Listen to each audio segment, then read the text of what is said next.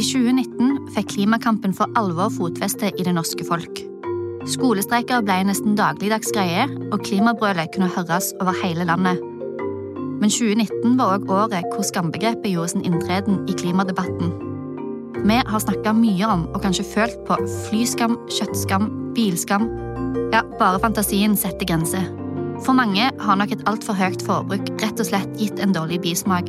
Og på den positive sida bidrar skambegrepet til å problematisere vårt eget ansvar i klimakrisen. Men er moralismen riktig virkemiddel for å fremtvinge atferden vi ønsker? Hva er egentlig skam? Og er det enkeltindividet som bør skamme seg, eller samfunnsstrukturene som må endres? Jeg heter Ida Folkestad Soltvedt, og du lytter til Kystpuls, en podkast fra Senter for hav og Arktis.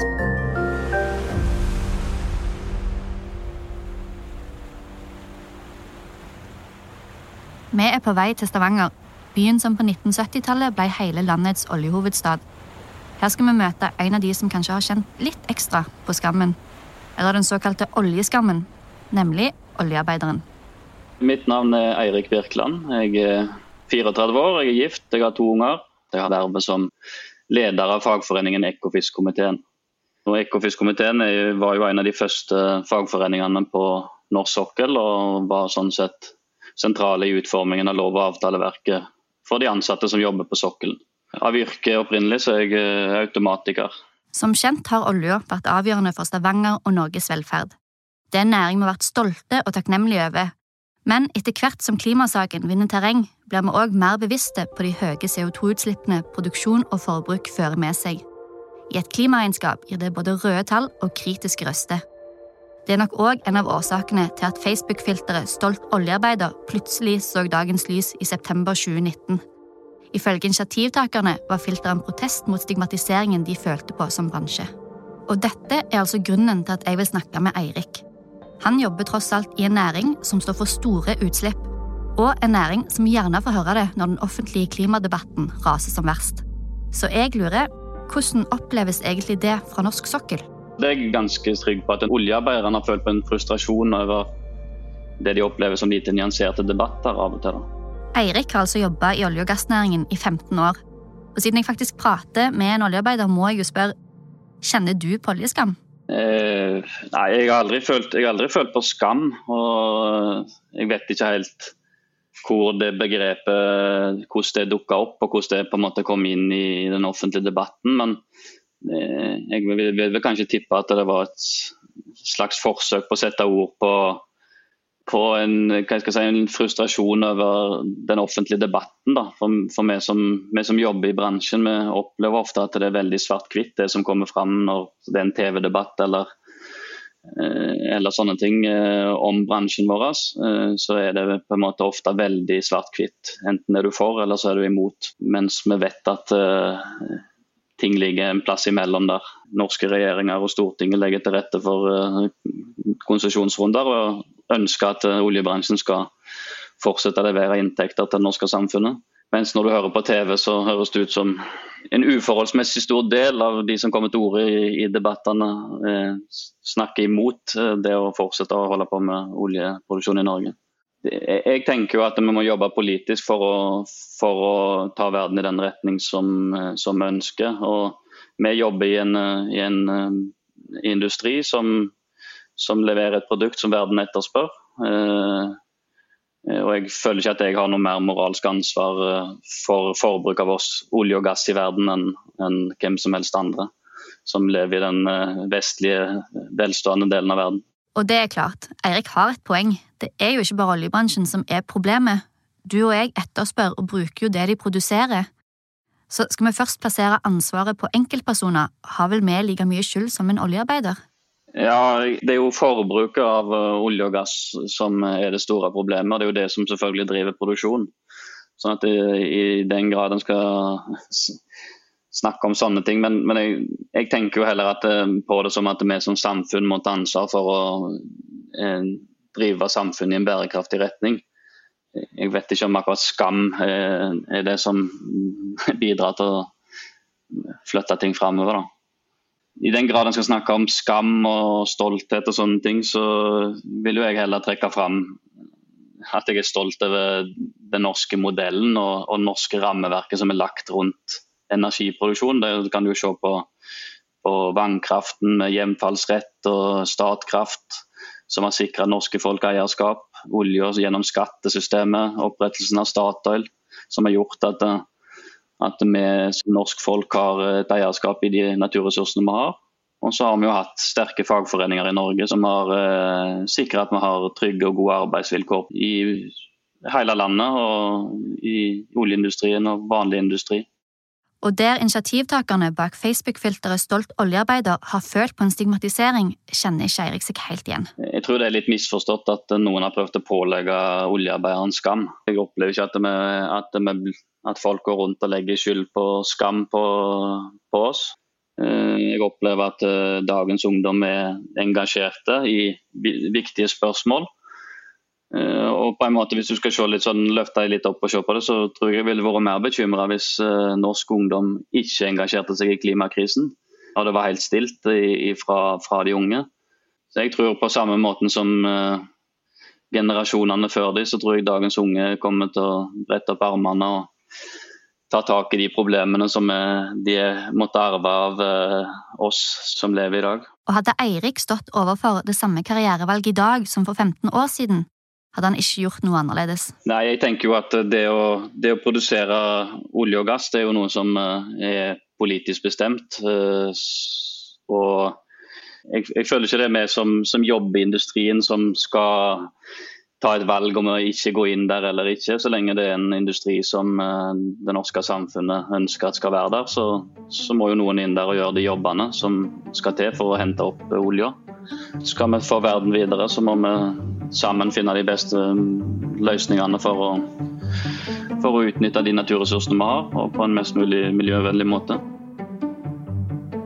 På en måte er jeg litt overraska etter samtalen med Eirik. Rett og slett fordi skam, for meg, er et begrep som har prega klimadebatten, og i mitt stille sinn tenkte jeg kanskje òg oljearbeideren. Samtidig er jeg langt ifra sikker på om skam og moralisme er et konstruktivt verktøy. Satt på spissen kan vi virkelig skamme oss ut av en klimakrise? Og dessuten, hva er egentlig skam? Skam er jo en negativ følelse, først og fremst. Det tror jo alle er enig i. Hun du hører nå, heter Sissel Fjelltun. Sissel jobber som psykolog på Ahus og er veldig interessert i skam som fenomen. Det er også veldig nært knytta til selvbildet. Hvordan vi ønsker å være, og hvordan vi ønsker å se oss sjøl. Så den skamfølelsen dukker jo ofte opp når vi føler at um, den avstanden mellom den jeg vil være, og den jeg er akkurat nå, den er blitt utålelig stor. Og kanskje når vi også blir konfrontert med det. Og tanken er altså at skam skal ha en sosialt regulerende funksjon. Vi eh, har et samfunn som er avhengig av en del uskrevne regler i tillegg til de skrevne reglene. For å beskytte hverandre fra ting som ikke skal skje, så har vi en skamfølelse som begrenser oss der. Og derfor gjør ikke vi noen ting som kanskje kunne vært morsomme, som kanskje ikke har så mange materielle konsekvenser, men som gjør at du ville mista en del venner. Og hvis du syns dette er litt abstrakt, har Sissel et eksempel på lur. Helt frakobla klima og olje for øvrig. For eksempel ser man sjelden offentlig utro mot kjæresten sin. ikke sant? Det må man eventuelt sjekke inn på hotell eller være en annen plass. For hvis hele vennegjengen din kommer rundt hjørnet da, så kan det hende at de um, De vil jo bokstavelig talt se det i et annet lys, og din uh, tenkte sosiale verdi og din sosiale status vil jo falle. Og, da, og det har vi jo ikke noe Det er ikke ulovlig å være utro, men det er jo en ganske sånn skamfull og skambelagt ting for mange. Og der har vi på en måte den som avgrenser det. Og så er det jo uenighet om det er en god ting eller ikke. At vi skal ha, at vi trenger den følelsen. For skam har jo et ganske frynsete rykte, og det med rette, kanskje. Men så lurer jo jeg, kan skam òg være en konstruktiv kraft for å oppnå endring? Det der er jo folk veldig uenige om. Det er mange som mener at det er ikke noen hensikt i skam uansett, og at man kan gjøre alle de endringene med mildere følelser. Og jeg tenker at Skam er jo litt å skyte surv med kanoner, for den kan bli veldig overveldende. Og særlig for, uh, for folk som ikke har det så bra, så kan den skamfølelsen bli ganske uoverkommelig. Det er jo knytta f.eks. til skam med å ha en uh, psykisk lidelse eller skam med å ha en sykdom. Og det, det, kan jo alle skjønne, tenker jeg, at det ikke er så konstruktivt. Jeg tror mange har opplevd en litt sånn lammende klimaskam på et vis. At hvis du, um, hvis du tar en av de klimakalkulatorgreiene, eller så ser du en av de dokumentarene som har en veldig sånn emosjonell appell, og så sitter du igjen med 'herregud, jeg har gjort alt feil i hele mitt liv', og i går spiste kjøtt, og jeg tenkte å gjøre det i morgen også, og hvis du kommer inn i en sånn veldig sånn fortvilelse, så er jo ikke det så hensiktsmessig, for da finner du ikke så mange utveier. Og så er jo kanskje spørsmålet hvem er det som skal skamme seg, og hvordan plasserer vi skam og skyld riktig sted? Når det kommer til klimaspørsmålet, så er jo det et um, veldig interessant emosjonelt tema. Fordi det er fordelt over alle. Det er ikke én person vi kan peke på. Du! Du ødela klimaet, liksom. Litt som i ozonlaget. Det var ikke den ene personen som brukte for mye hårspray. Men det er jo sånn at noen må jo ta på seg det ansvaret også. Og det må man jo gjøre i fellesskap òg. Og jeg tenker at skam som en sånn eh, en kollektiv følelse, det, kan, det tenker jeg kan ha litt potensial. Vi skammer oss litt hvordan vi har oppført oss, og vi vil gjøre en endring. Men ikke den varianten med at eh, jeg alene står ansvarlig for. For det, det er jo både faktafeil og vanskelig å håndtere. Og når det gjelder oljeskam og oljearbeideren, tolker jeg det sånn at Sissel og Eirik egentlig er ganske enige. Og den der uh, oljearbeiderskammen, da, uh, som det har vært mye snakk om Hvis man skal på en måte påføre skam på den måten, eller hvis man skulle forsøke å vekke den følelsen, så er jo det veldig opp imot den Altså, hva er alternativet, da? Skal man slutte jobben sin? Skal man, er det bedre å gå på Nav? Hvor mange jobber finnes det f.eks. i Stavanger, hvis det er den kompetansen du har fra før av? Jeg tror det er en sånn det er jo en type debatt som media lett tar opp, ikke sant. Og det er jo en eh, problemstilling som man jo både kan kjenne litt på eh, og skrive en god historie om. Jeg tror det er lettere å få i gang en debatt om skal oljearbeideren skamme seg, enn det er å få i gang en debatt om eh, hvilke klimatiltak skal vi ha som samfunn, for det syns vi alle stort sett er mer ubehagelig å snakke om. Så på en måte så unngår vi litt skammen ved å diskutere den, og ved å, å ta å ta en debatt som ikke helt handler om det der. Og så vekker jo veldig mye følelser, selvsagt. Så kanskje kan skam ha noe for seg når det er snakk om en kollektiv følelse som kan regulere og endre atferden til oss alle, i fellesskap. Men å legge skylden på ett individ for det som både er et nasjonalt og globalt problem, klimaet, det er nok lite konstruktivt. Og kanskje kan det til og med, som Sissel sier, ta vekk oppmerksomheten fra det som virkelig er viktig, nemlig hva vi skal gjøre med den krisen vi står i, vi er tilbake i Stavanger, og denne gangen skal vi besøke en tidligere Statoil-mann og nå klimabekymra rektor ved byens universitet. Mitt navn er Klaus Moen, og i dag er jeg rektor ved Universitetet i Stavanger. Faglig bakgrunn er som samfunnsøkonom, så aller mest så er jeg nok kanskje samfunnsøkonom fra eh, Sandnes. Jeg har arbeid i Statistisk sentralbyrå, i eh, DNB, i Statoil slash Equinor. Og nå altså ved Universitetet i Stavanger på fulltid fra 2013. Rektor fra i fjor sommer. Til tross for en fortid som sjefsøkonom i Statoil er ikke Klaus redd for å snakke olje- og gassnæringen imot. Jeg håper jeg kan framstå som nyansert, men det er nok ikke sikkert at olje- og gassnæringen er like begeistra for alt jeg har sagt eh, offentlig. Nei, det kan nok hende. Jeg har nok ytt i litt motstand fra tid til annen, ja. Og Derfor vil jeg gjerne høre hva han, som på sett og vis har hatt en fot i begge leirer, tenker om klima, skam og næringens framtid.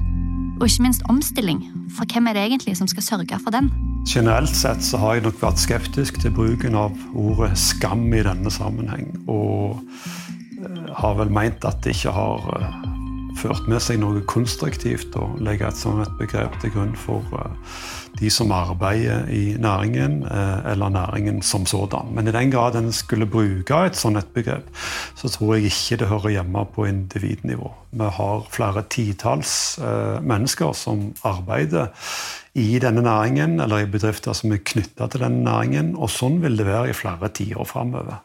Så hvis en skal bruke skam, så må den nok heller plasseres på samfunnsstrukturer og kanskje på politikernes eh, panne i, eh, i eh, si, utformingen av politikk og rammevilkår for denne næringen, f.eks. For, eksempel. for som òg oljearbeideren Eirik sa, det er jo tross alt politisk bestemt at vi skal drive med olje- og gassutvinning.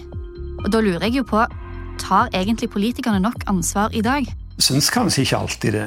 Det vil være bruk for olje og gass i flere tiår ennå. og Det er et visst rom for olje og gass i energimiksen. Men det er definitivt ikke en næring som kan fortsette å vokse hvis vi skal ha fnugg av håp til å møte klimautfordringene. Mitt hovedsynspunkt har vært at rammevilkårene for olje- og gassnæringen burde ligge i ro. Olje- og gassnæringen har hatt eh, gode rammevilkår, og de har ikke klagt over de når prisene har vært høye. Og et adelsmerke ved rammevilkårene i Norge er at de har vært stabile. Så at en nå skal begynne å rokke med skattemessige rammevilkår for det om eh, oljeprisen er lav og om vi rammes av et globalt tilbakeslag, det forstår jeg ikke helt. Så der syns jeg politikerne var ettergivende nå i år, når man innrømte næringen skattelette, rett og slett, i møte med koronakrisen. Næringen sjøl har jo argumentert for at skattelette skal hjelpe den gjennom koronakrisen, men òg at skattelette vil bidra til at næringen kan omstille seg raskere og selv om olje- og gassbransjen gjerne blir framstilt som en synder i klimaregnskapet, så er det jo en bransje med masse kunnskap som vil være nyttig når vi skal gjennom et grønt skifte og opprette nye næringer. Eller er det sånn? Dette er argumentasjon som jeg stiller meg skeptisk til.